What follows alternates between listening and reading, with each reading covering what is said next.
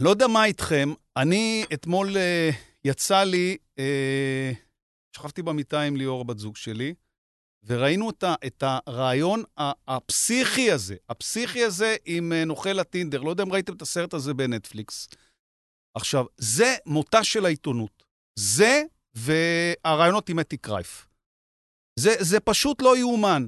בעצם נטפליקס עושה תחקיר, תחקיר עם העיתונות הנורבגית, בכל העולם נוסעים, טסים, אוספים, ראיות, אה, אמת, ובסוף הוא מגיע לראיון בערוץ 12, במהדורה המרכזית של יום שישי, ופאק, זה פשוט לא מראיינים אותו, אין עיתונות. יושב המראיין, צועק עליו, אה, כועס עליו, נוזף בו, והוא יושב אדיש, מציג גרסה נגדית, אומר לבן אדם, תשמע, אני לא עוניתי אף אה, אישה, כל האס.אם.אסים, כל הוואטסאפים, מי שראה את נוכל הטינדר, הכל, הכל מזויף, ואתה רואה עיתונאי, לא מסוגל לענות לו.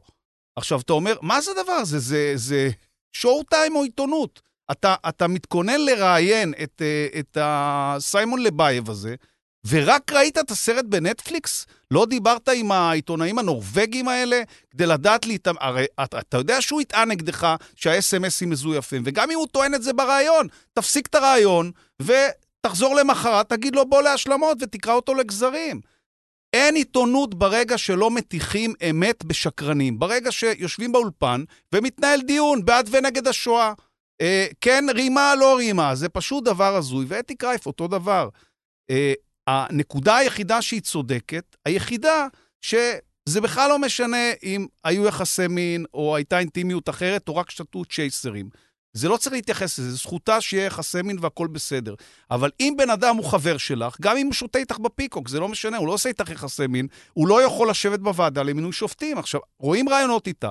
אחד, שתיים, שלוש, בבוקר, בערב, בצהריים, באביב, בסתיו. היא חוזרת עוד פעם על אותו נרטיב שנגרם לה עוול, ולא נגרם לה שום עוול, אחותי.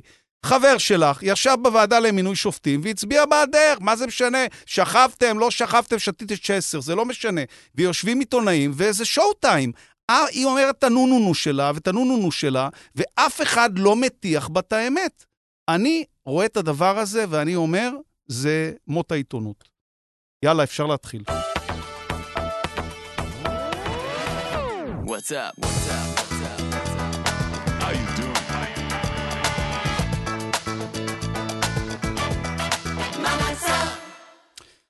טוב, אנחנו לא יכולים להתעלם uh, ממלחמת פוטין, קוראים לזה המלחמה באוקראינה, אבל לא מלחמה באוקראינה, זה מלחמת פוטין. Uh, ואנחנו רוצים לעשות שיחה אה, אינטליגנטית בכל הרעש שאתם שומעים. מלא אנשים אומרים לי, אבל מה, מה קורה שם? מי נגד מי? למה מלחמה? למה פתאום מלחמה? מי עושה מלחמות בחורף? איך הדבר הזה נולד? מה מלחמה באוקטובר, ב- ב- ב- בחורף ב-2022? אז אה, כינסנו פה על השולחן, לישיבה שלנו עם החברים, את האנשים, בעיניי, הכי חכמים בארץ לדיון הזה. כי אתם תקשיבו להם, הם לא קשורים לא למפלגה ולא לקליקה, והם לא משמיעים שום דף מסרים. אה, ערן עציון, אני לא יודע אם אתם עוקבים אחריו בטוויטר, אם אתם לא עוקבים, אתם מה זה מפסידים. אה, כי הוא לא בן אדם שמצייץ, הוא בן אדם שהיה בכיר במשרד החוץ, הוא היה סגן יושב ראש המועצה לביטחון לאומי. אתם יודעים, המועצה לביטחון לאומי זה הדבר שמייעץ לראש הממשלה ולממשלה, זה המסקנות מוועדת אגרנט של מלחמת יום כיפור, זה הגוף הכי חשוב במדינה שמייעץ, שם שוקלים את הכל, את כל האינטרסים. ו, ובאמת שאנחנו מביטים נדהמים מול ההתנהלות של ממשלת ישראל, שלא מסוגלת להגיד במי היא תומכת, ברוסיה, באוקראינה, זה זמן מצוין לדבר עם ערן עציון, תכף נדבר איתו, ונדבר גם עם אה, מנואל אה, פה, פה... אתה יכול, אלדד. רגע, רגע, רגע, אני חייב, אני יכול, רגע, עוד פעם, רגע, אני כתבתי את זה, רגע, רגע, תנו לי צ'אנס, תנו לי צ'אנס, אני מבקש. פלפס. לא, אני אעזור לך. רגע, רגע. זה פשוט... זהב, אולימפיה. לא, זה הלחץ, זה הלחץ. לא, זה גם הלחץ, וזה גם זה גם כאילו מוגבלות. אני כאילו כתבתי פ"א, מקף, ל"פ סמך, כי אני כאילו כל הזמן אומר... אה, לא הבנתי. עמנואל אלבז פלפס. עמנואל אלבז פלפס. עמנואל אלבז... פלפס. פ... פ... פלפס. פלפס. זהו, עמנואל אלבז פלפס. עמנואל אלבז פלפס. אחת ההצגות הטובות. תשמע, לטעות בשמות זה הכי מבאס. זה הכי מבאס, ו... תשמע, אנחנו גם uh, נפגשנו כמה פעמים, וכל פעם העירה לי על זה. כל פעם העירה לי על זה, ואני אומר לה, אני ארשום, זה ייגמר. הדבר לא הזה ייגמר, וזה הפקרות, זה לא נגמר. לא, זה שם התעללות, אתה לא היחיד. אה, זה בסדר, אנחנו רוצים להיות גם קצת אירופאים וזה, זה שם צרפתי, שם אמריקאי. צרפתי. אמריקאי? פלפס זה אמריקאי. פלפס זה אמריקאי, ואלבז אלבז זה מרוקאי. זה מרוקאי, ואת כאילו מצרפת. אהה. הבנתי, זה סטייל. אז יש לך אה, שלושה דרכונים או מה? אה, יש לי שניים. מה? אין לי אמריקאי. למה? אם אני אגור בארצות הברית עם בעלי והילדים במשך אה, תקופה, אני אוכל לקבל דרכון או גרין קארד. בסדר, צריך לסדר את זה. צריך לסדר את זה, okay. זה אוקיי. נראה לי בינתיים רק השם האמריקאי. ואתם שומעים את דוקטור, את דוקטור מירו, שאני אומר עוד פעם, כי כולם אומרים לי, מה זה סולן להקת. שב"ק סמך, הוא מדבר. אמרתי, הוא דוקטור, מזה הוא מתפרנס. הוא דוקטור להיסטוריה, וזה האנשים הכי, הכי מתאימים לדבר איתם. אבל רציתי לשאול אותך, ערן, כי גם דיברנו וגם, אה, וגם אה, אני עוקב אחריך בטוויטר, ואתה מביע עמדה אה, מאוד מאוד קסאכיסטית נגד הממשלה, שהיא לא מביעה עמדה מוסרית בעד אוקראינה. ומצד שני, אתה יודע, כל מיני אנשים אומרים, אבל יש למדינת ישראל שיקולים. אתה יודע, יש יהודים ברוסיה, אנחנו צריכים להפציץ בסוריה, ואם אנחנו לא נהיה... כן. לא, לא נלקק מספיק לפוטין, אז uh, הוא יוריד את המטוסים שלנו. ועכשיו אני שומע בדרך, uh, בקורקינט שאני נוסע, בכלל בנט הוא... המתווך. הוא המתווך, הוא אומר לפוטין, בוא ניפגש, אני אסדר ביניכם את העניינים. עכשיו, אני אומר לעצמי, הרי אתה מכיר את כל השיקולים האלה, ישבת בכל הישיבות האלה, אז, אז איך אתה חושב הפוך? אני גם חושב הפוך, דרך אגב, אני לא, לא יודע לנמק את זה. אז ככה, קודם כל, באמת, זה סוגיה סבוכה. בואו לא, לא נציג את הדברים כפשוטים מדי, זה ברור שהם סבוכים. אבל אנשים צריכים להבין, ואני חושב שזה קשה לכולם, כולל למקבלי ההחלטות, וגם את זה אני מבין, זה טבעי. בטח שאתה יושב שם בתוך המקומות האלה, עם כל הלחצים ש, שמופעלים עליך. מה שקשה להבין זה שהייתה פה תפנית היסטורית, אפשר לומר כמעט בן לילה. אמנם הייתה, היה איזשהו תהליך של הכנה, אמנם האמריקאים זעקו וצלצלו בכל הפעמונים ואמרו, הנה, הנה, זה הולך כל לקרות. כל פעם הם אמרו מתי זה הולך לקרות. כן, ועדיין אנשים לא האמינו. ראיתי כל מיני פרסומים של ליברמן, שכידוע נכון. מחובר מאוד עמוק לסביבת הקרמלין, אמר עד הרגע האחרון, שום דבר לא הולך לקרות, מה שנקרא, צטטו אותי. חייזרים ינחתו קודם, כן. כן. והרבה מומחים אחרים גם כן אה, לא, לא האמינו שזה הולך לקרות, כי באמת זה הולך נגד הרבה מאוד, אה, גם אינטואיציות, גם אה, הערכות, גם מידע.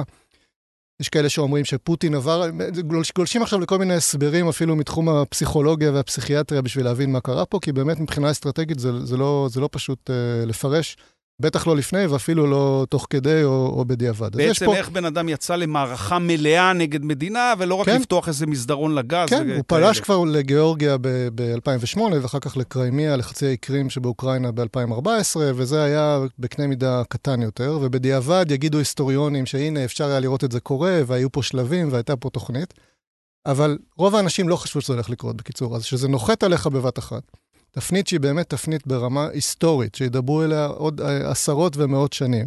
קשה מאוד לעכל את זה ולהפנים את זה ולתרגם את זה לשינויי מדיניות. ומה עושים במצב כזה? קורים שני דברים. אחד, יש כוח מאוד חזק של אינרציה. פשוט מנסים להמשיך את מה שעשינו עד עכשיו. התקיפות בסוריה זה דוגמה קלאסית. התרגלנו, מה שנקרא, וגם סיפרנו לעצמנו שזה עובד. צריך לעשות שיחה נפרדת עד כמה זה בכלל עובד, כי אני טוען שלא. אבל נניח הממשלה מאמינה בזה ורוצה שזה יימשך, אז ממשיכים, כי זה הדבר הטבעי. והדבר השני, מנסים, בגלל שזה כל כך מסובך, ובגלל שזה באמת קשה, ובגלל שיש לחץ זמן, אז מנסים ללכת במה שנקרא path of least resistance. מה הדבר שיהיה הכי קל לעשות עם הכי פחות התנגדויות. זה, זה אינטואיציה ביורוקרטית, זה אינטואיציה פוליטית, לפעמים זה גם עובד אסטרטגית.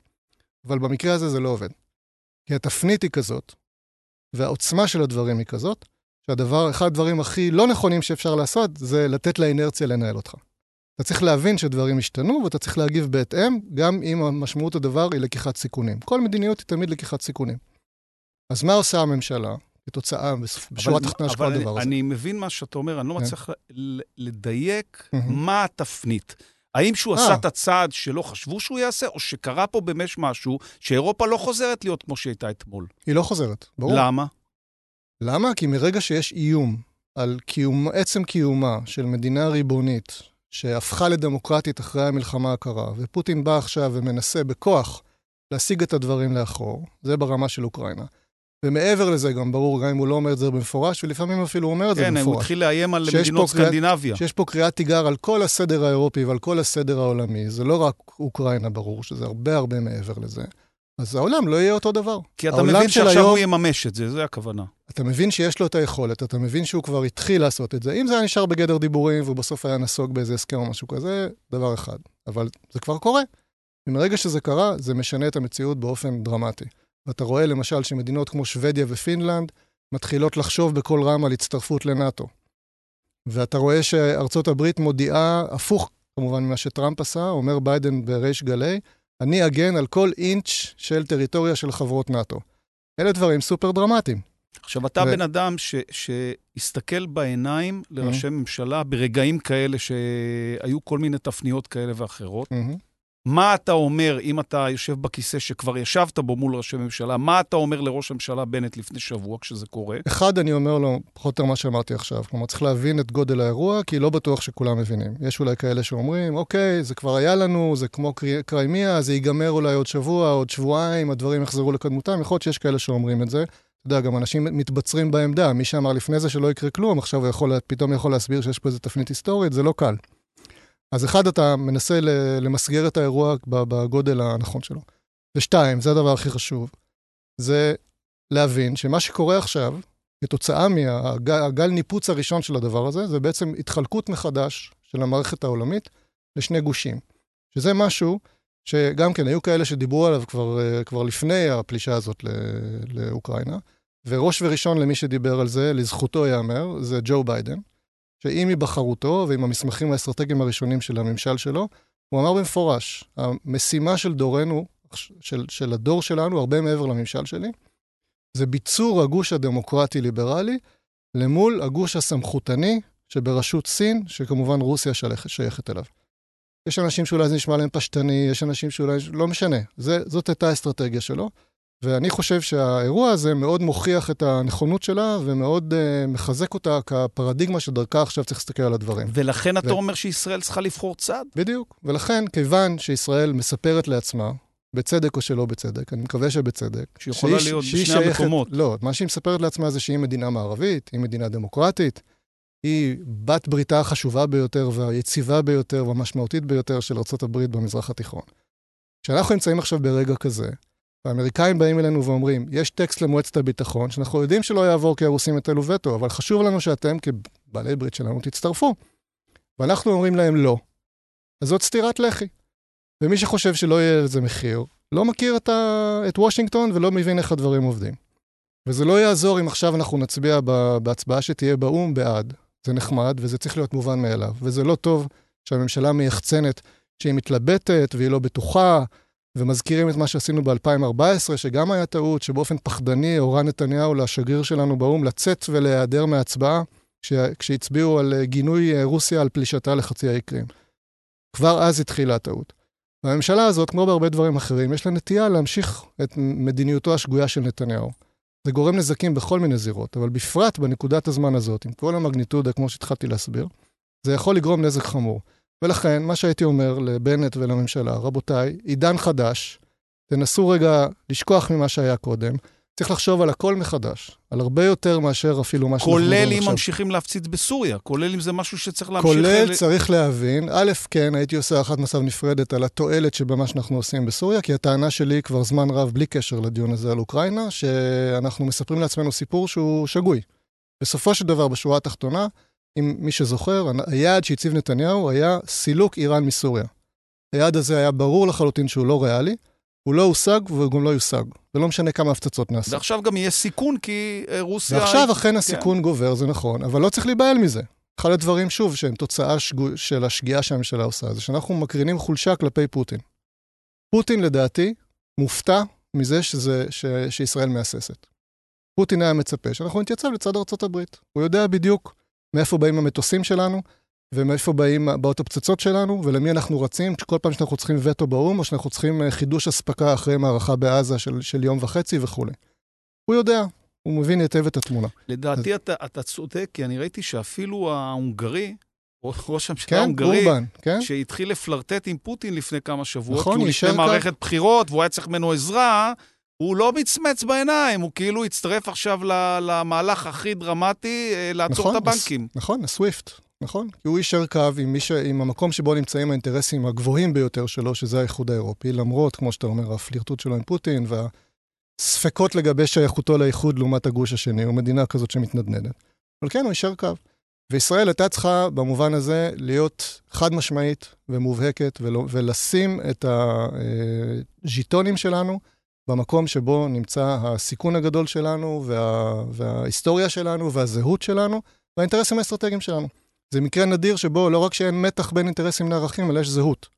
איפה שנמצאת הזהות שלנו, איפה שנמצאים הערכים שלנו והאינטרסים שלנו, כל הסיסמאות הגדולות האלה שכל ראש ממשלה יודע לדקלם שהוא נפגש עם כל נשיא אמריקאי, הערכים המשותפים, joint values, רבותיי, money time. עכשיו תשימו את, את ישראל ואת העמדות שלה איפה שאתם אומרים שהיא אמורה להיות.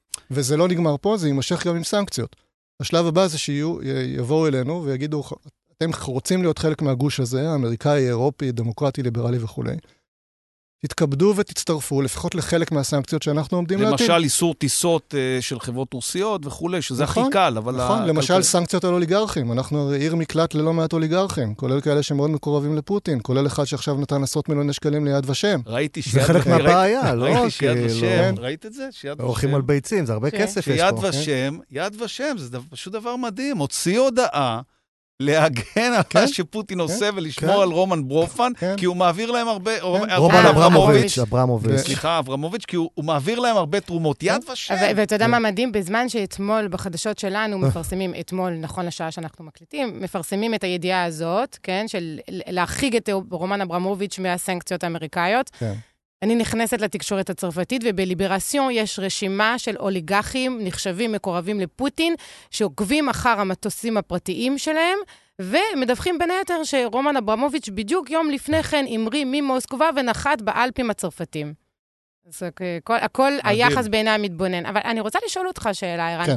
איך אתה מחבר אה, את מה שאמרת עכשיו לדיווחים בשעות האחרונות על אה, הצעה של פוטין לבנט להיות מתווך? יכול להיות ש...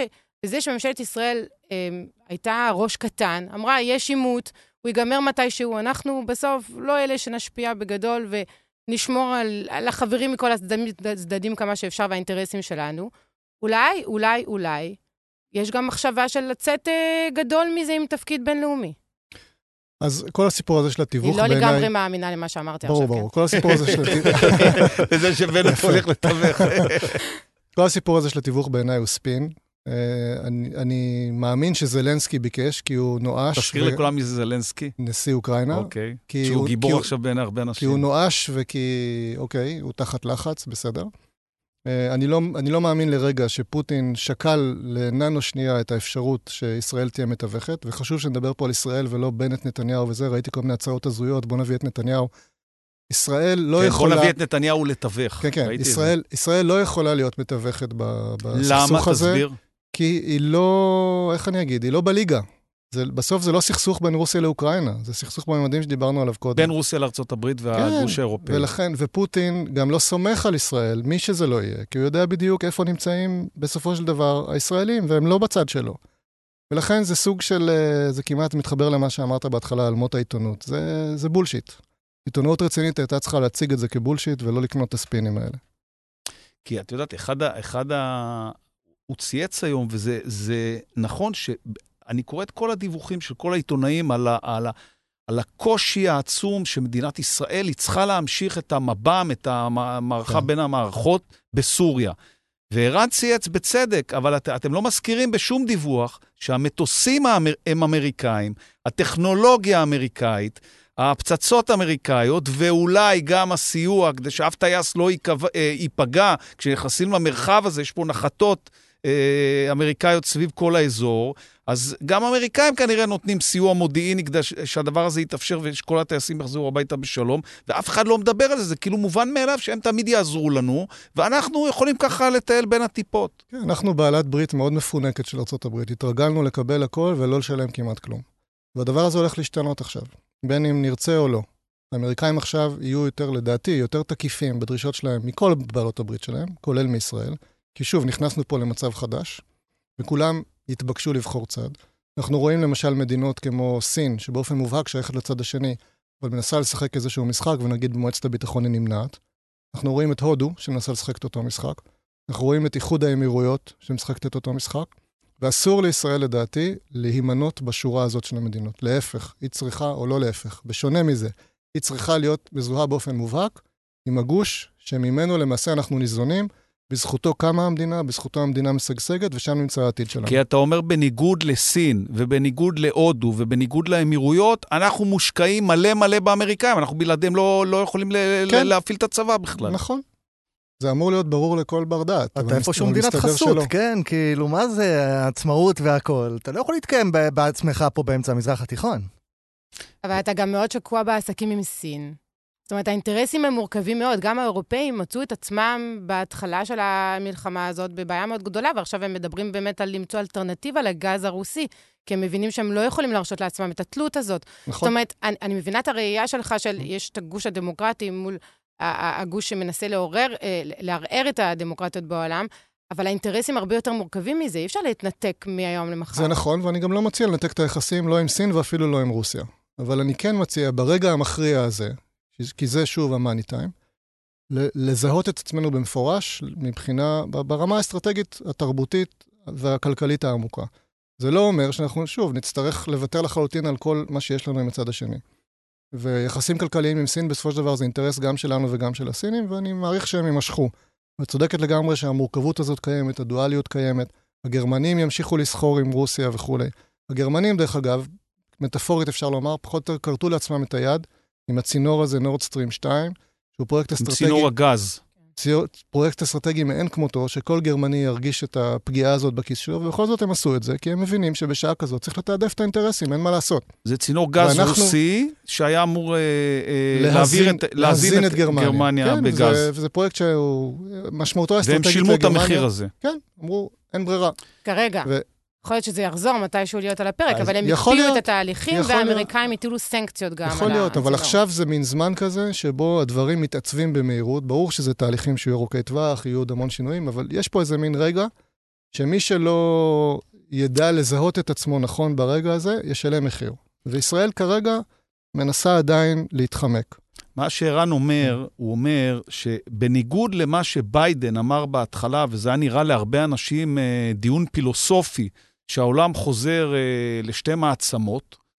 הוא אומר, זה קרה, זה קרה בשבוע שעבר. מי שעוד משלה את עצמו, שבעוד כמה שבועות הכל יירגע והכל יחזור והכל יחזור להיות מה שהיה, אז הוא טועה. זה כבר לא נכון. יחזור להיות מה שהיה, זה עובר לעולם של שתי מעצמות. ומי שלא מזהה את הרגע ומבין, אין מה לעשות, צריך לשלם מחיר. התקופה הזאת נגמרה שיש מעצמה אחת, ומשלם את המחיר כמו שגרמניה משלמת, אז הוא יאכל אותה בהמשך. וישראל, שהיא הכי מושקעת, היא הכי מושקעת באמריקאים, הולכת לאכול אותה, זה מה שהוא אומר, יהיה פה שכר ועונש שזה, יהיה, שזה אה, יחזור לאיזשהו שקט, אבל זה יהיה שתי מעצמות, כי עכשיו יחששו שכשפוטין אומר לסקנדינביות, אם אתן נכנסות לנאטו, אנחנו, אתם תדעו מה אנחנו עושים. אז עכשיו כבר כולם יגידו, הוא יעשה את זה, הוא לא, הוא לא אומר את זה סתם. זה, אם להיות יותר מדויקים, זה, הייתי אומר, ארבע מעצמות, או שלוש וחצי. שמה זה? תמנה אותם. זה ארה"ב מול סין, בסופו של דבר, המאה הזאת זה ארה"ב מול סין, עדיין.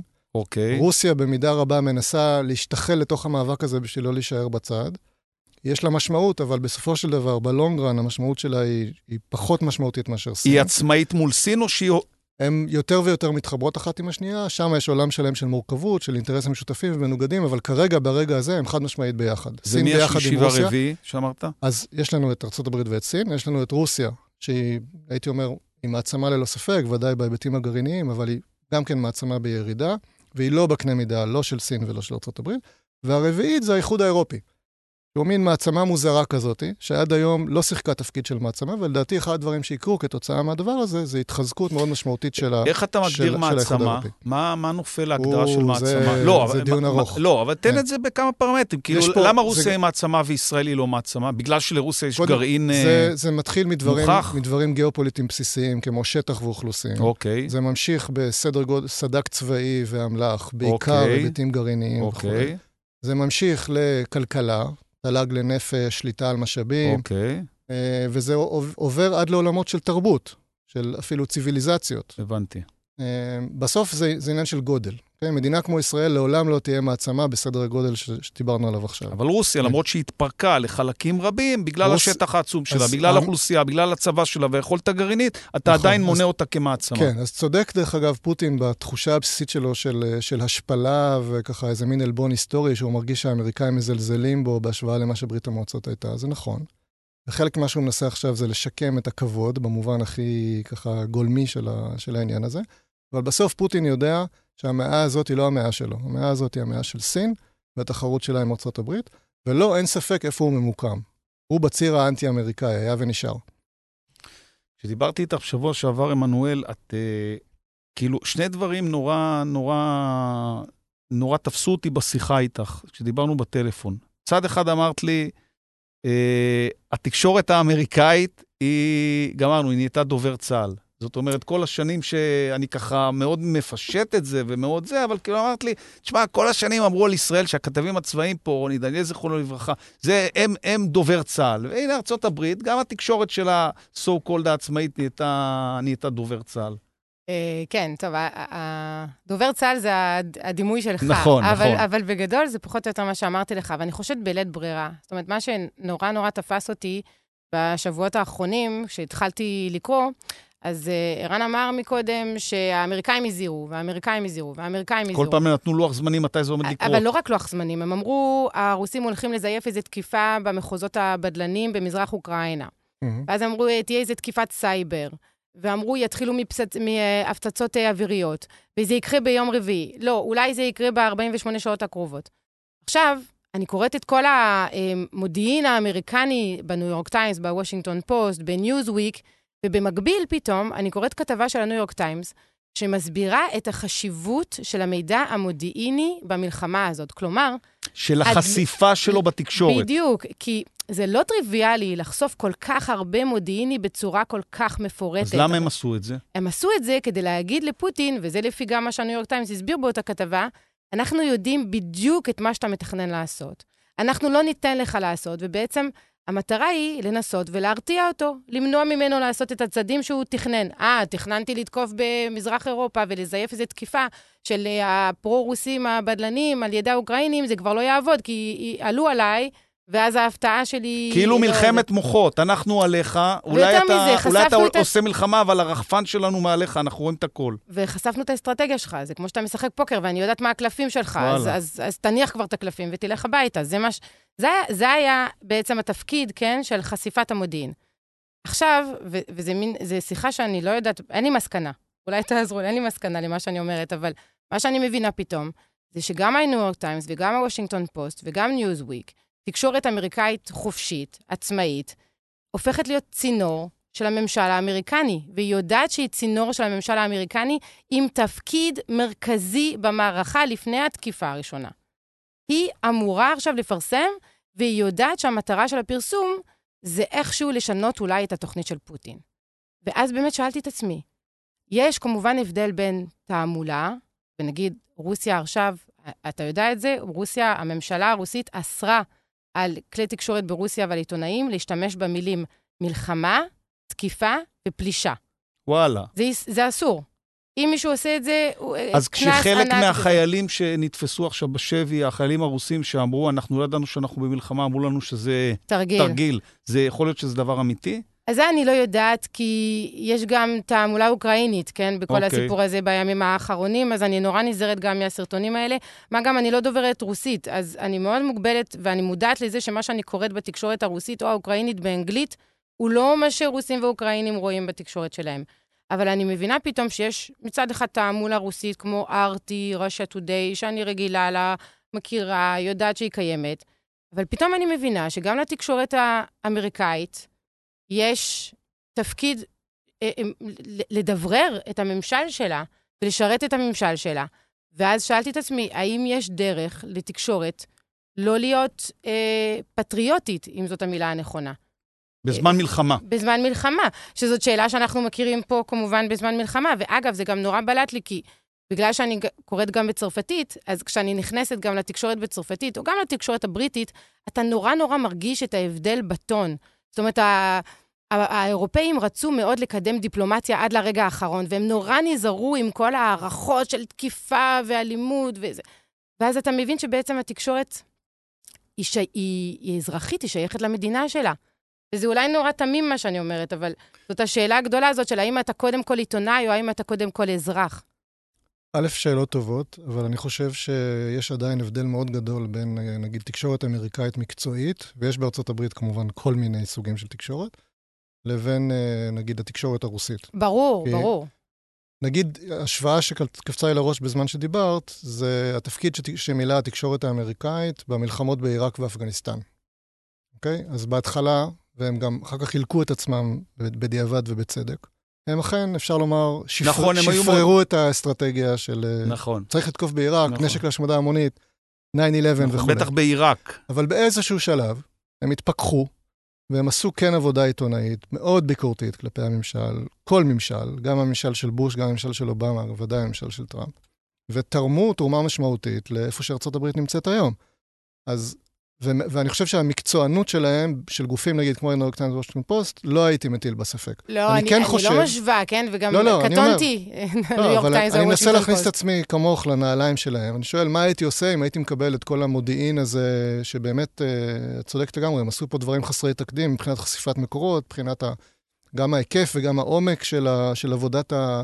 קוראים לזה לום, לוחמת מודיעין, שהיא גובלת בלאפ, לוחמה פסיכולוגית, שהם ניסו לעשות. בכל מיני דרכים, כולל באמצעות העיתונות. זה גם מודיעין מבוסס, כן, הם לא שיקרו פה. לא, כן, אבל כן, העיתונאי מקבל מודיעין, מה, הוא לא יפרסם אותו? ברור שהוא יפרסם אותו. אין לך יכולת להצליב. מה שמנואל אומרת... ברור שלא, זה ערפל כן. קרב עכשיו. כן, אבל מה שמנואל אומרת... מה שנותנים לך מהממשלה. מה שמנואל אומרת, שעיתונות אמריקאית, במשך כמה ימים טובים, כל פעם הייתה הקול הדובר של הממשל שאומר, הרי, הרי התאריכים השתנו והמועדים השתנו והתרגילים של פוטין השתנו, ו, והיא אומרת שבאמת זו תופעה שתקשורת אמריקאית שהיא כאילו מאוד מאוד עצמאית והיא לא, לא כמו אצלנו שכל הזמן אומרים שהכתבים הצבאיים הם דוברים של הצבא. היא כל הזמן שידרה את הטקסטים שהממשל העביר לה. אבל בלית ברירה. והיא שואלת האם יש ברירה בכלל, האם, האם בעצם, בעצם בזמן מלחמה, בעצם תקשורת אין לה ברירה, היא צריכה להיות פטריוטית, היא צריכה לבחור צד. זה מזכיר את מה שערן אני, אמר קודם בעניין אחר. אני אחדד, כמובן שצריך היה לפרסם את הדברים, כי מן הסתם אלה המקורות שהם עובדים איתם, מקורות רציניים, הם, הם רואים את המסמכים, עושים את העבודה העיתונאית שהם צריכים לעשות, והם מפרסמים. זאת אומרת, אתה מקבל מסמכים כאלה של, אה, לא יודעת מה, הרמטכ"ל צבא ארצות הברית לא תפרסם, ברור שתפרסם. וזה חשוב וזה עיתונאי, והם גם עשו כתבה ליד שמסבירה מה המטרה של כל הפרסומים האלה, אז את העבודה העיתונאית שלהם הם עשו. אבל עדיין, וזה נכון מה שאתה אומר, יג, תגיע הביקורת. בדיוק. תגיע ברור. הביקורת גם בניו יורק טיימס. ואני חושבת שבזמן מלחמה זה נורא בולט אה, איך פתאום כולם מגויסים במחאות. זו מילה נוראית לעיתונאים, אבל בסוף כולם רציתי מגויסים. רציתי אה, לשאול אותך על עוד משהו שדיברנו עכשיו כשהיית בדרך להקלטה. אה, עד כמה לדעתך תופעה שמנהיגים ראו די בפעם הראשונה, כי אני לא חושב שהיו רשתות חברתיות בזמן אה, מלחמת ארצות הברית-עיראק, רשתות חברתיות עכשיו משחקות תפקיד אה, דרמטי, פתאום חצי עולם בבת אחת מחליף את כל התמונות פרופיל שלו, לא משנה באיזה רשת הוא נמצא, לדגלים של אוקראינה, פתאום נהיית הפגנות בכל מיני מקומות בעולם עצמאיות שאזרחים יוזמים, פתאום כל מיני בעלי תפקידים, ראשי עיריות בעולם, מתחילים להעיר כל מיני מונומנטים אצלם במדינה בצבעי אוקראינה, ומדונה אתמול שמעלה סטורי ששבר את הרשת, אה, שפוטין הוא כמו היטלר, ופתאום את רואה, אחרי שהמנהיגים רואים... זלנסקי מגיב לה. עשה לה לייק. אה, וואלה, הוא כן. עשה לה לייק? לא. כן, הוא עשה לה לייק, הוא הגיב לה, כן, כן. וואלה, אז פתאום את רואה שכאילו זה דוחס את המנהיגים למקום שאולי הם לא התכוונו להעביר כל כך הרבה נשק ועזרה, והם כן עושים את זה בכבודת קהל. את כאילו מזהה דבר כזה? אני, אני חושבת שיש באמת, אה, אנחנו רואים הפגנות בכל העולם. אגב, גם בישראל, כשאתה ראית את ההפגנה בהבימה עם באמת אלפי אנשים. אז הבנת ש... כן, אז הבנת שההפגנות האחרות שהיו לו מזמן עם כאילו אלפי אנשים, אז פחות. אוקיי. זה, זה היה אלפי אנשים ב- בהבימה עכשיו, אבל יש, אה, יש אה, תנועה אה, המונית מאוד מאוד רחבה. אני לא יודעת אם באמת אה, המנהיגים היו צריכים את התמונות האלה, כי ה- באמת באירופה ובארצות הברית הצד שהם בחרו הוא די ברור. אבל, אומרת, אבל בהתחלה ניססו קצת. משפיע, אבל זה, אבל זה משפיע, זה משפיע להבין שזה נושא שמעסיק נורא את דת הקהל. ולי זה מזכיר, ואני רואה גם את השיח באירופה וברשתות החברתיות, זה מזכיר עימות אחר שחוזר על עצמו כל כמה שנים, הוא העימות שלנו מול הפלסטינים. וא', זה, זה, אה, זה קומנטים שאתה רואה ברשתות החברתיות, שלעולם נורא ברור מי החלש ומי החזק כרגע, אוקראינה, רוסיה, ויש הרבה אנשים שעושים השוואה בין ישראל לפלסטינים, וגם בתנועה המחאתית, אה, או ההפגנתית בחוץ, ברחובות, זה דברים שאתה כן רואה כל פעם שיש סכסוך אצלנו פה, אז פתאום אתה רואה את הרחובות באירופה מתמלאים. אז uh, עד כמה הממשלות uh, צריכות איזה, זקוקות לזה, או עד כמה גם זה יחזיק טוב, מעמד שם הזאת. באירופה, אתה יודע, עד כמה... אני חושב שבמידה רבה באירופה, אתה צודק אלדד, היה, התפ- התפקיד שדעת הקהל מילאה היה מאוד משמעותי, ושוב, דברים קרו, קרו וקורים מאוד מהר. הדוגמה הקלאסית זה גרמניה. גרמניה, אחרי מלחמת העולם השנייה, נכנסה למה שנקרא מנח אסטרטגי מאוד מאוד מאוד, אה, אם אפשר לקרוא לו, פציפיסטי. הגרמנים לא היו מוכנים לקחת חלק בשום סכסוך מזוין, גם היו עליהם הרבה איסורים בהקשר הזה. והגבלות של צבא וכולי. וה, והעם הגרמני, מי שמכיר, הוא לחלוטין אברס, דוחה כל, אה, כל אה, השתתפות במלחמה או בעימותים מזוינים וכולי. המקסימום שהם היו מוכנים לעשות עד לפני מספר ימים, היה לשלוח לאוקראינים קסדות. ועכשיו, ממש במהפך, תוך אה, 24-48 שעות, הם שולחים נשק. זה דבר חסר תקדים. זה עד לפני שבוע הייתם שואלים את המומחים הגדולים למדיניות גרמניה, היו אומרים לכם, never gonna happen. וואלה, קרה. וואלה. כן. מ- מירו, תגיד, אה, בשבוע שעבר, דוקטור מירו, בשבוע שעבר אה, דיברנו באחת מה... ברפואת שיניים, כן? באחת מהתוכניות שלנו על uh, אובדן הפרטיות, ואמרתי לך, תשמע, אנחנו חיים בעידן שזה נגמר, זה לא להאמין, העולם יחווה בפעם הראשונה את אובדן הפרטיות. אמרת לי, מה אתה מבלבל את המוח?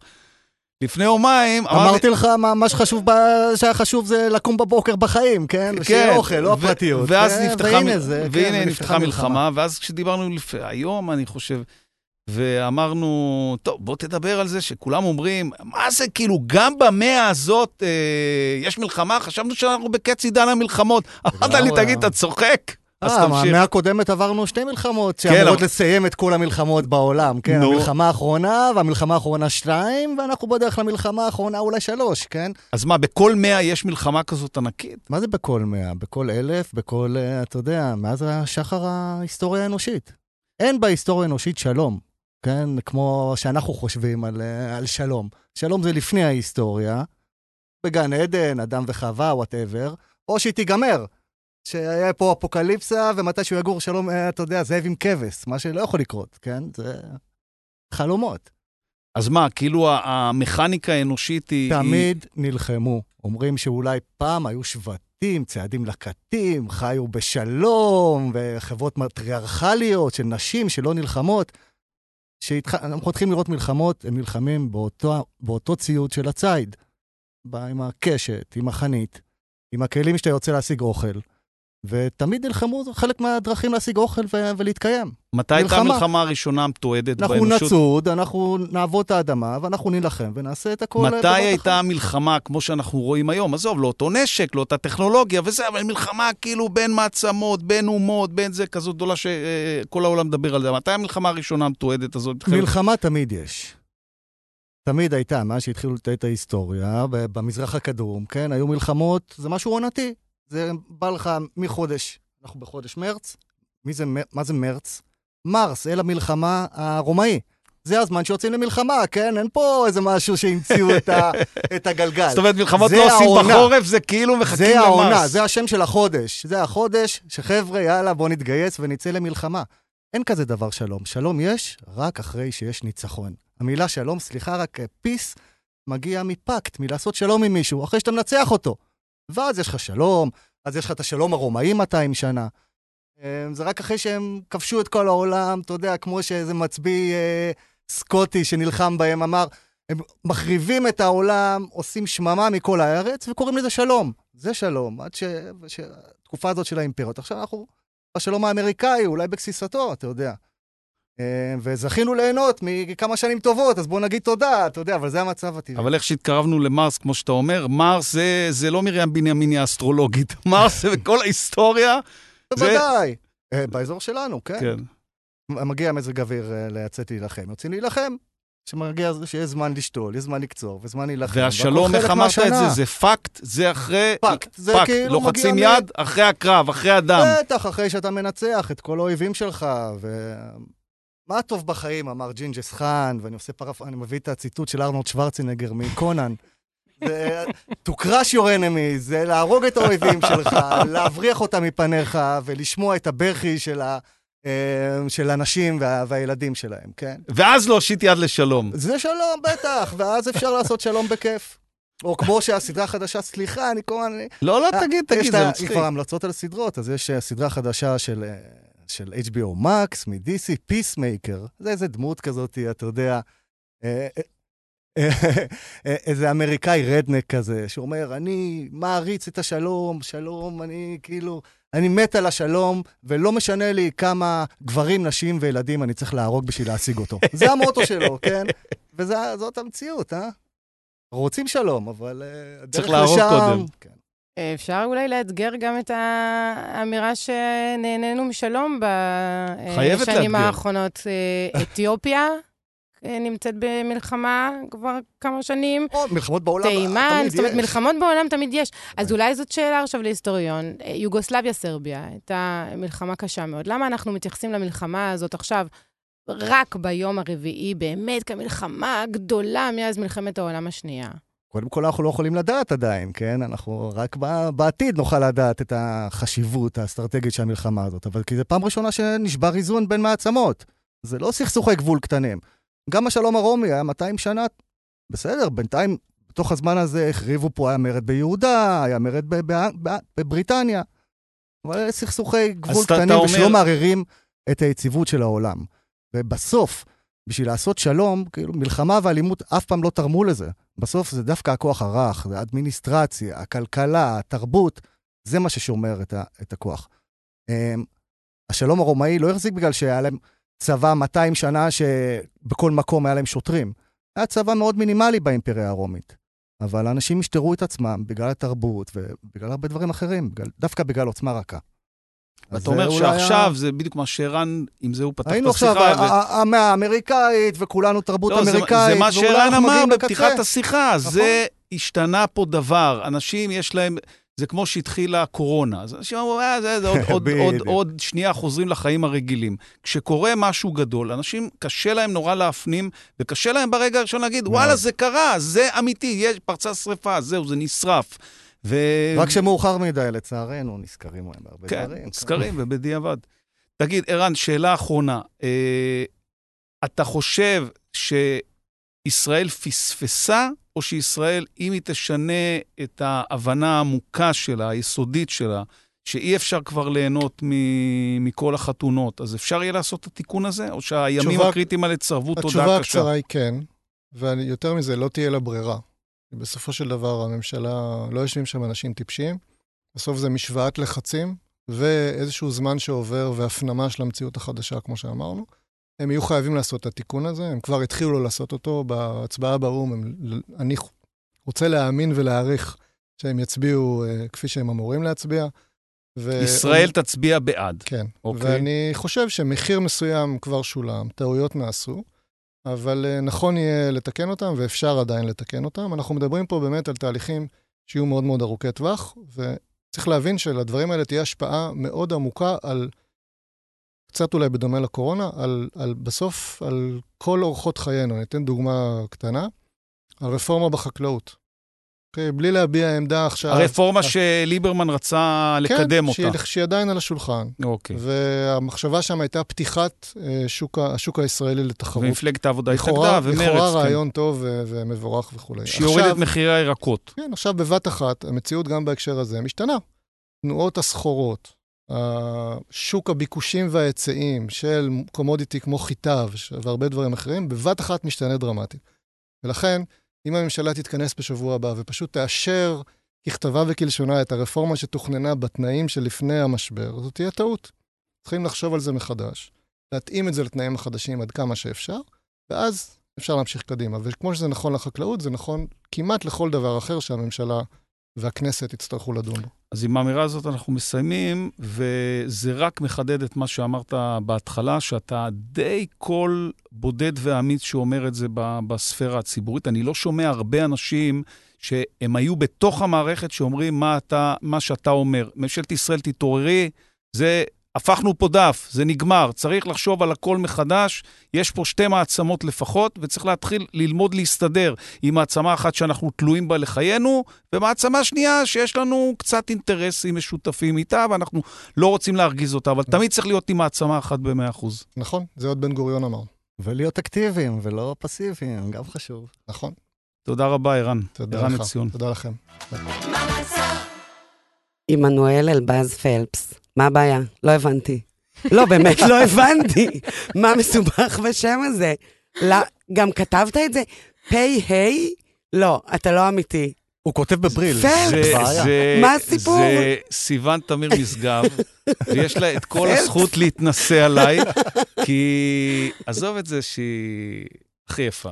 היא גם יודעת שהיא הכי חכמה. יודעת את זה. איי, איי, איי, איי. אה, טוב, זה יודעת. כבר שווה. אבל אני אספר לך משהו, Mm. אספר לך משהו. היום הייתי, היום הייתי עם אמא שלי, אה, עודת, ודיברנו על שני דברים. דיברנו על שני דברים. אה, ואז שאלתי אותך, לפני שהתחיל השידור, אם היא יכולה לעשות פטריות בגילה.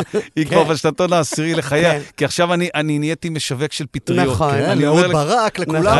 אתה מדבר על זה? כל פרק. כי אני אגיד נכון. לך למה. אני יודעת למה, כי עשית פטריות לא מזמן, כי אתה מדבר על זה כי כל אני פרק. סח- ברוך הבא לעולם, יא. סאחי. זה ומה. עניתי? ומה עניתי? ושאלתי אותה, אמא שלי יכולה לעשות אה, פטריות בגיל, ב- בעשירון השמיני? היא אומרת לי, ברור, מה זה, בבוסט נכון. כזה, אה, כמו שהיא אמרה עכשיו את עמנואל אה, לא, תראי, אלבז אני מתה. פלפס. לא, פלפס. אלדד. פל... פ- טוב, די, אני... אני. נהנית, תגידו את השם שלי כל חושבים שאני השידור. אומר את זה סתם, אני באמת כאילו... זה... וואו, זה לקוט. ואז שאלתי אותה, זה הדבר הראשון. שדיברתי איתה, והדבר השני, אה, אמרתי לה שהיום את תהיי בהקלטה. וסיפרתי לה סיפור. לפני איזה שבועיים, אה, דוד כזה, דוד גדול, גדול, גדול, של אה, ליאור הבת זוג שלי, בן 101 וחצי. הוא כזה דוד גם של אבא של ליאור ואחותו, אני חושב, כאילו ממש דוד גדול. אה, אז אנחנו קיבלנו שתי הודעות על, על זה שהוא נפטר. אבא של ליאור סימס, אה, עמנואל היקר, בן המאה ואחד וחצי, נפטר. ועידה, שהיא אחות של יוסי, אבא של ליאור, אה, הודיעה לנו, אה, עמנואל, אה, הדוד שלנו, אה, סיים את השבועיים הכי מדהימים שלו בחיים, וואו. עם המשפחה שלו, וואו. ודיברתי עם הילדים, מהמם. והם אומרים שלא היה להם שבועיים כאלה מרגשים בחיים שלהם. מהמם. אה, והוא כמובן נפטר בבית, ותכף נגיע למה את עושה בחיים שלך עכשיו. אה, ו... ואז אמרתי לאימא שלי, אימא שלי אמרה, ברור, מה זה, זה שבעה בחיים, זה נראה לי, נראה לי הכי מדהים, כאילו, מדהים. כל האירוע הזה של השבעה, זה אימא שלי אמרה, שכל האירוע מהמם. של השבעה, שרואים את התמונות ואת האלבומים ו- ואת הסיפורים, ובאים כל מיני אנשים מדהימים לספר סיפורים כמה היית גדולה בחיים שלך, מהמם. אז כאילו, למה לא עושים את, ה, את הסגירה הזאת כשאת, אה, כשאת חיה? כי הוספיס זה לא, זה לא בית חולים. מהמם. זה כאילו, זה חדר קר ומנוכר, שמכניסים אותך ואומרים לך, יאללה, תמות, תמות, תמות, תגמור את זה מהר. וסיוון, מה שהיא עושה בחיים שלה, אה, היא למדה להיות אחות. והיא אז חשבה שהיא, ואז חשבה שהיא רוצה להיות אה, מיילדת. אה, לא, אני אסביר. לא, סיפור שלי, חכי, עזבי, את יודעת ש... וגמרה בתור קברנית. לא, תכף היא תספר מה, היא עושה. עכשיו, אחד הדברים המדהימים, שהיא מבחירה, כי היא, אם היא הייתה רוצה להיות דולה, היא הייתה דולה, כאילו, עם וייטינג ליסט מפה עד ירוחם, אה, כאילו, ב waiting list. והיא בחרה ללוות אנשים לפרידה מהחיים. עכשיו, בהתחלה אני כאילו אמרתי, מה, נו, באמת, זה, זה, ואז שהיא סיפרה לי כמה סיפורים, אמרתי לה, תקשיבי טוב. אני רוצה. גם אם אותי. waiting list, אני לא יודע, לא יודע, אין לי התראה, אבל את צריכה לדעת שזה קורה, זה קורה, את מפנה את כולם. נכון. אבל זאת לא, הבעיה, אבל שאין לך התראה, אתה לא. יודע, אם היית יודע, עושים את זה שבועיים מראש זה, קבוע. זה מדהים אה, מה שאתה מספר על השבעה, טוב, סיוון מדהים. תכף אה, תספר, אבל מתי אתה יודע? מי... אם אתה בן 80, אתה אומר, "אה, שרדתי עד לפה, אז אולי אני אגיע ל-90, אולי אני אגיע ל-100, מתי אתה עושה את השבעה הזאת בחיים? מתי אתה יודע שזה הולך לקרות? אני חושבת שאת מתייחסת פה לכמה דברים, סליחה.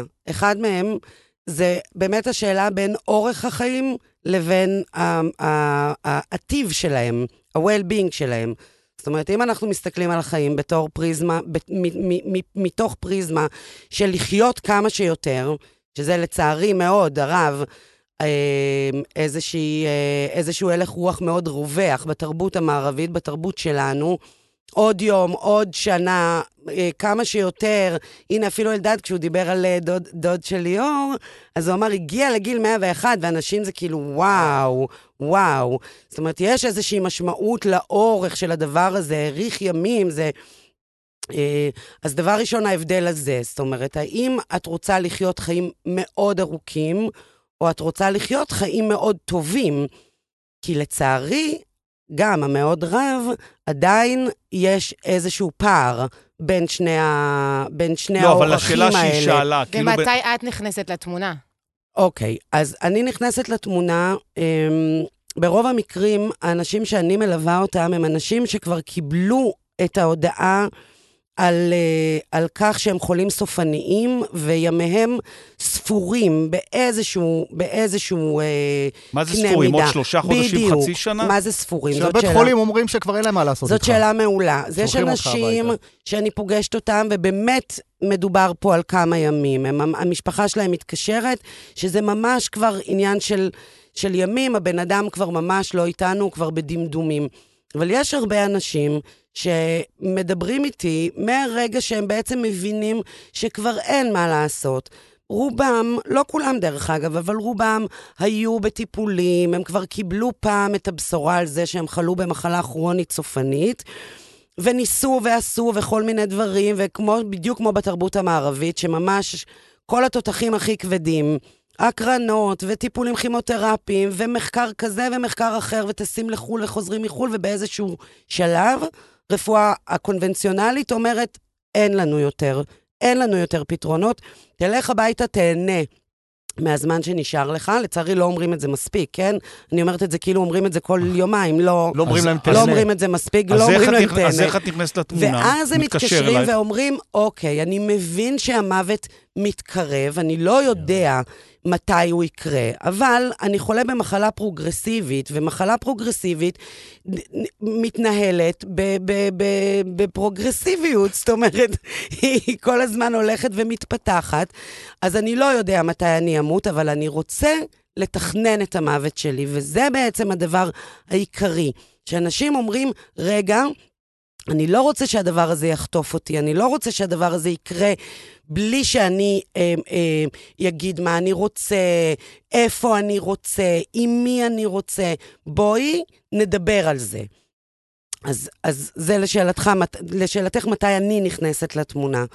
אה, אז- אז איך את נכנסת לתמונה? אוקיי, הוא אומר לך עוד שישה חודשים, את נפגשת איתו, ומה?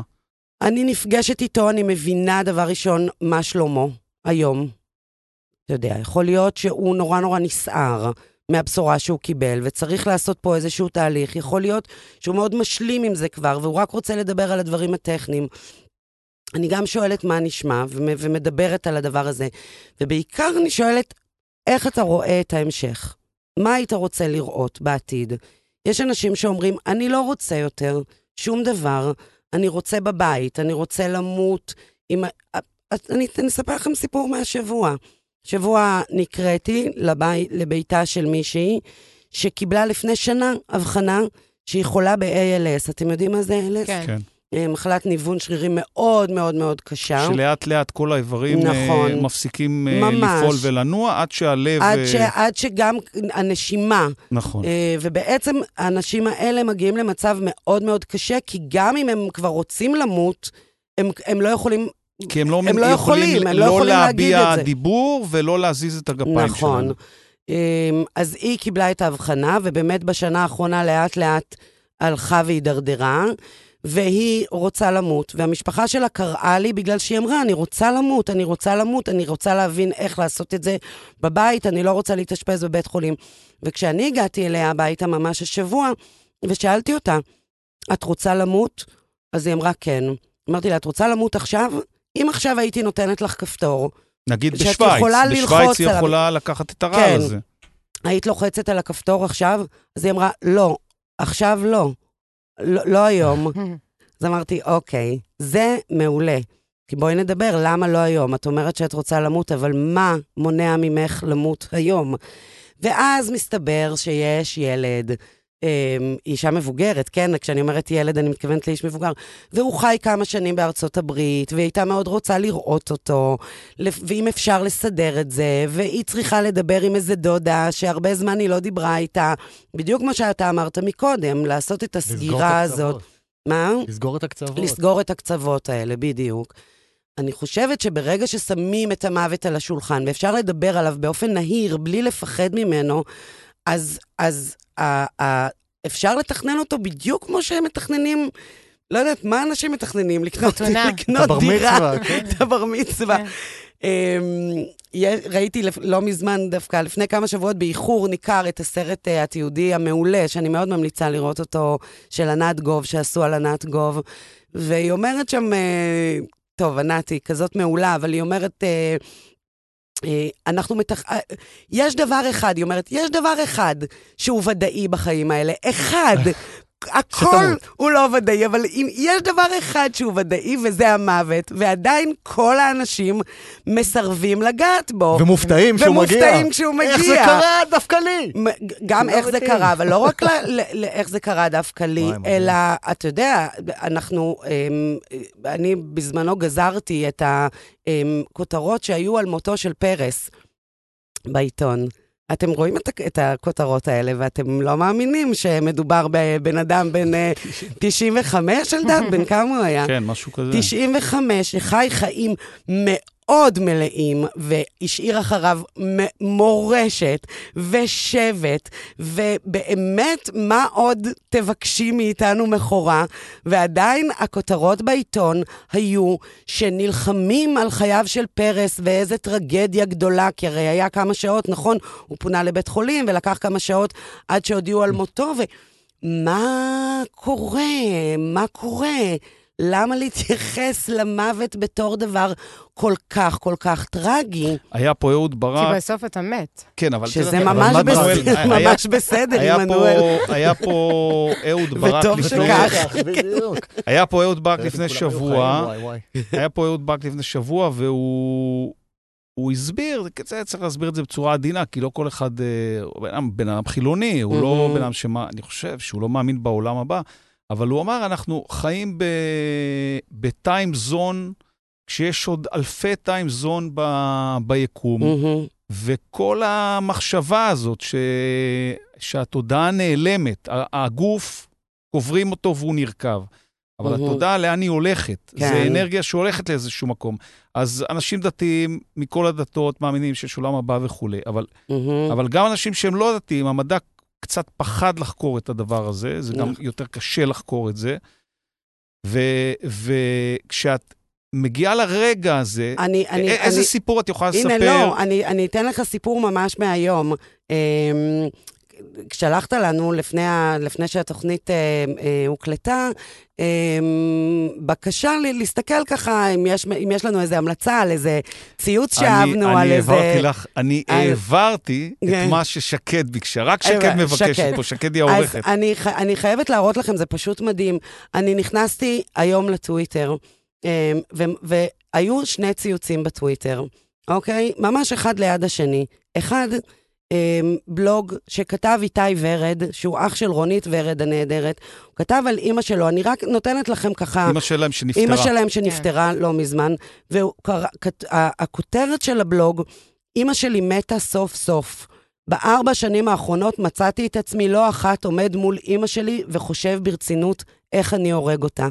ואז הוא מגולל טקסט באמת מדהים על ארבע שנים של סיוט שהם עברו עם אימא שלהם הדמנטית, וכמה זה היה נורא, וכמה הוא ייחל למותה, וכמה הוא כל הזמן זכר איך בעודה צעירה וצלולה, היא כל הזמן אמרה, אל תיתנו לי להגיע למצב הזה, אל תיתנו לי להגיע למצב הזה.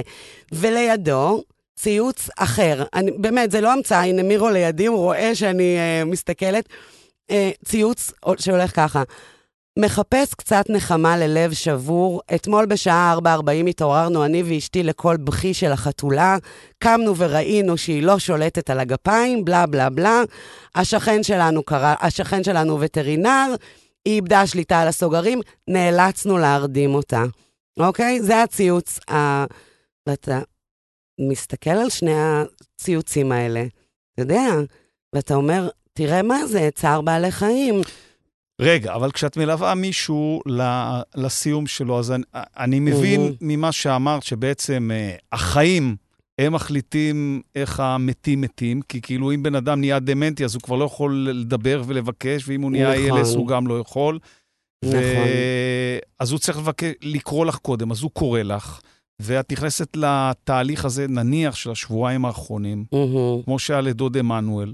ומה קורה? בעצם הוא בבית, ו- וכל המשפחה נפרדת? איך, מה? כן, הטיפול בעצם, את הטיפול... מכינה אותו לפרידה? את כן. תומכת בו נפשית? כן, הטיפ... בעצם הטיפול הזה קוראים לו טיפול פליאטיבי. פליאציה זה um, ענף ברפואה, שהפירוש המילולי של פליאציה זה תמיכה, זה טיפול תומך. זה בעצם טיפול שלא נועד לרפא אותך.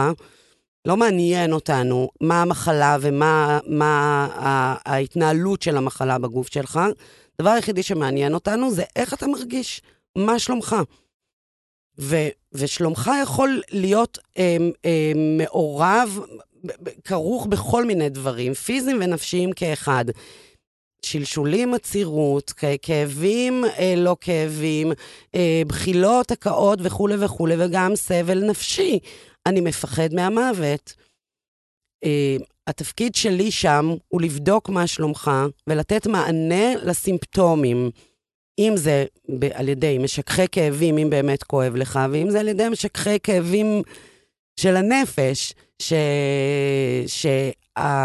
מה שאני מגלה, אה, וזה תמיד מדהים אותי בשנים האחרונות, זה שכאבי הלב שכרוכים במוות נפתרים מאוד מהר ברגע שמדברים עליהם. זה לא אמור להפתיע אותנו הרי, כי אנחנו יודעים, אנחנו אנשים תבוניים, ואנחנו יודעים שלדבר על הדברים זה תמיד אה, מפחיד פחות. אה, אבל מול המוות, למשל התגובה של עמנואל פה, היא הייתה מאוד מאוד אותנטית, נכון? כי את מגיעה מ- ממקום שבו את שומעת את המילה מוות, ואוטומטית את, את רוצה להרחיק אותו ממך, זה מפחיד אותך. זה סוג של אני- טאבו, אני- כאילו. כן. זהו, אני גדלתי בבית שמוות היה טאבו מהמם. לגמרי. המילה. מוות, גם כבדיחה, זה היה אסור. זאת אומרת, זה היה. מכעיס את אימא שלי מאוד. מהמם. אבל עכשיו, אז אני באה גם מהמקום הזה של, נגיד, אני חושבת לפעמים על צוואה, על הילדים, ואז מהמם. אני מרגישה, לא, אם אני אכתוב צוואה, זה עין הרע, ואז אני אמות. ואז מה עשיתי מזה, ואני מפחדת, אסור לי לחשוב על זה בכלל, ואז כזה. מהמם. אבל אז אני, יש לי גם ילדים קטנים, והבן שלי הוא, ב, הוא בן חמש וחצי, מהמם. וזה הגיל שהוא בא והוא שואל אותי, אני אמא, אמות, את כשאנחנו. נמות. את תמותי קודם, אבל אח, אחרי זה אנחנו נחזור כחיות, אנחנו נהיה כוכבים, אנחנו מדהים. נהיה ביחד. וזה מאתגר אותי, ממש. כי אני צריכה אני- לענות לו. אני גם הגעתי מדהים. מאותו בית. סבתא שלי. פורטונה, אני לא חושב, אני לא מצליח לשמוע בשנים האחרונות איזושהי אמונה תפלה שאני לא אומר, אה, זה סבתא פורטונה, מה זאת אומרת? נונה פורטונה זה כאילו הכל, הכל, הכל, הכל. בגדים, ואיך נכנסים, ואיך זה, ומה אוכלים, ובאיזה עונה, ובאיזה זה. הכל אמונות תפלות, הכל זה, הכל... אבל אתה יודע, זה לא רק אמונות תפלות. אני הייתי לפני שבוע אצל אימא שלי בעין גדי, כן, שזה לא, לא סבתא פורטונה, זה אימא שלי, אישה צעירה יחסית, נכון. קיבוצניקית מעין גדי, והשכן שלה בדלת ליד, בן אדם בן 85, היה על ערש דווי, זאת אומרת, כולם ידעו שעוד כמה ימים הוא ימות. והיא דיברה איתי משהו על שבוע הבא, ואמרתי לה, אל תתכנני עוד את שבוע הבא, כי יכול להיות שאת תצטרכי להיות פה בהלוויה. והתגובה הראשונית שלה אמרה, חס וחלילה, טפו טפו טפו. והסתכלתי עליה ואמרתי לה, מה חס... מה, זה עומד לקרות. מה קורה, אימא? מה קורה? מה... אבל זה, זה חזק מאיתנו. ומה שאני רוצה להציע בעקבות מה שאת אומרת, את יודעת, ההתייחסות שלנו למוות היא תלוית תרבות. זה לא, זה אני לא צריכה לספר לכם. אנחנו, באמת, התרבות המערבית היא תרבות אה, מאוד מאוד אה, קשה עם הדבר הזה. אבל יש הרבה תרבויות בעולם שמתייחסות אל המוות אחרת.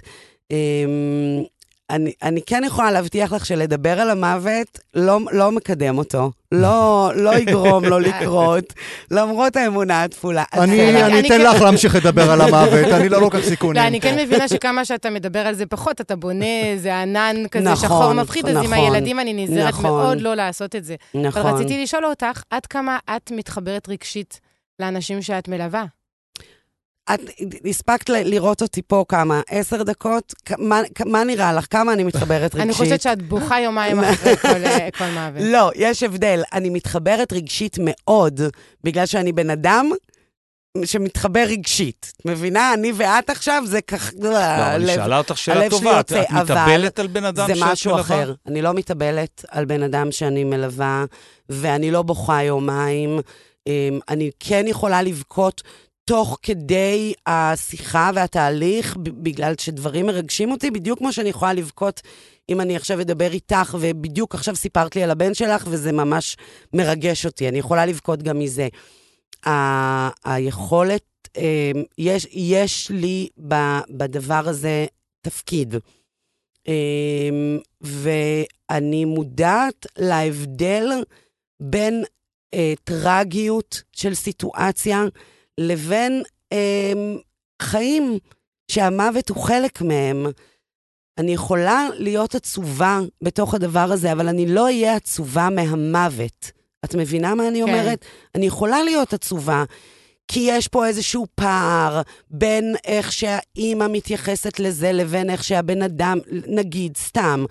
אמ, יש דברים שמעציבים אותי בתוך הדבר הזה, יכולים להיות. אבל המוות כמוות הוא לא בהכרח משהו רע, הוא לא בהכרח עצוב, הוא לא בהכרח טרגי. הוא הרבה פעמים, בעיקר עם האנשים שאני עובדת איתם, גאולה. גאולה מאוד גדולה, חיים שחרור. שלהם. שחרור. ואם הצלחתי להביא בן אדם מנקודה של פחד מהמוות, אמ, למקום שבו הוא, הוא מת בחיק משפחתו, אהוב ומלוטף ו- ועטוף אמ, ושלם. אני, אני אומרת לך באמת שאנשים אה, מתים עם חיוך על הפנים, באמת. אני אה. יודעת שזה נשמע לא, לא הגיוני לאנשים שלא חוו את זה אף פעם. אז אני, מבחינתי, את, תחשבי, זה כמו סמים. אם כבר אלדד הביא הנה את הפטריות, אז אני רגע... פטריות זה לא סמים, זה אתחבר לדבר הזה. אומרים שהרגע של המוות זה ה... אני, זה החוויה הפסיכדלית הגדולה ביותר אז כן, אתה יודע שהרבה מאוד, אה, המחקרים, המחקרים האחרונים והכי חדשניים בתחום של הרפואה החדשה, באמת, של הפסילוסיבין של הפטריות, זה לתת פטריות, זאת אומרת, אנחנו קוראים לזה מדיסין, לא פטריה, אה, לאנשים שהם חולים סופניים, לאנשים על ערש דווי, כדי לשחרר אותם מפחד המוות, והתוצאות של המחקרים האלה הן אה, מדהימות, ממש. אז צריך להתחיל לדבר יותר על המוות. נכון, נכון, ממש. להפסיק לפחד, טוב, להפסיק לעשות אנחנו... מזה טאבו. נכון. זה חלק מהחיים. נכון. ואולי אה, נתחיל לעשות טקסים אחרים. נכון, נכון מאוד. בקיצור, שורה תחתונה, מי שרוצה להיפרד כמו שצריך, זה עם היד של סיוון. אחת שמונה מאות, שמונה. אה, לא, לא, אני מודיע מראש, אני מודיע מראש, שאם אני אה, הולך למות, אז אני נכנס אז אני לתור, באה. יש לי כן. כזה, אני שילמתי כל השנים שנים את המנוי, נכון. אז אה, יכול להיות אתה מצב באמת שכאילו... שילמת מנוי, כן, באמת, אז יכול נכון. להיות מצב שכאילו סיוון לידכם, והיא כאילו אומרת, טוב, ביי, אני צריכה ללכת לאלדד, הוא עומד למות אה, כל נכון. רגע, אז אני מודיע מראש. החוכמה זה לא למות, לא אלא להתבאס. איך אתה מת. לא נכון. להתבאס. זה החוכמה. אנחנו כולנו נמות, באמת, בואו פשוט נדבר על זה. ונתכנן את זה, זה נכון. מאוד. טוב, עברנו מה זה אה. את הזמן. למרות שפודקאסט אין זמן, אבל זה כבר אנשים הגיעו מתל אביב לירוחם, או מירוחם למטולה. אז זה, זה, זה כאילו, כבר הגענו לגבול. יהיה להם למקלטים במלחמה. סיוון, אני מת עלייך, ומירו, אני מת עלייך. ומנואל, אני מת עלייך. והבשורה תגיד הרעה עוד פעם היא... את השם שלה. רגע, תגיד. רגע, תגיד. הבשורה הרעה היא שאתם תהיו פה עוד פעם. עכשיו, רגע. עמנואל, פלפס? עכשיו הוא אתה רוצה ב- דווקא. לא, לא, עכשיו הוא שלי. ואמא שלי. בחיי אלוהים בספר התורה. וואו. פלפס. רגע. עמנואל אלבז פלפס. עמנואל אלבז אתה פלפס, תסתפק מה בעמנואל מעכשיו. בסדר. פלפס. פלפס. פלפס. דפוק, אני חייבת אה? ללכת לא, אלדד, דפוק תלמד- לגמרי. יאללה, ביי. מת עליכם. מה המצב? הנייד שלי 0523-436-409, לא להסס, תגובות, תגובות, תגובות, כמה להתקשר שרוצים. לפנות בוקר בשעות... להתקשר מתי שרוצים, לא לא להתקשר, אני לא עונה, אבל וואטסאפים כמה שאתם אה, רוצים. רגע, אני רוצה תמונה. אה, תעשי לי תמונה. ותכף נעשה סלפי. ביי. אוקיי.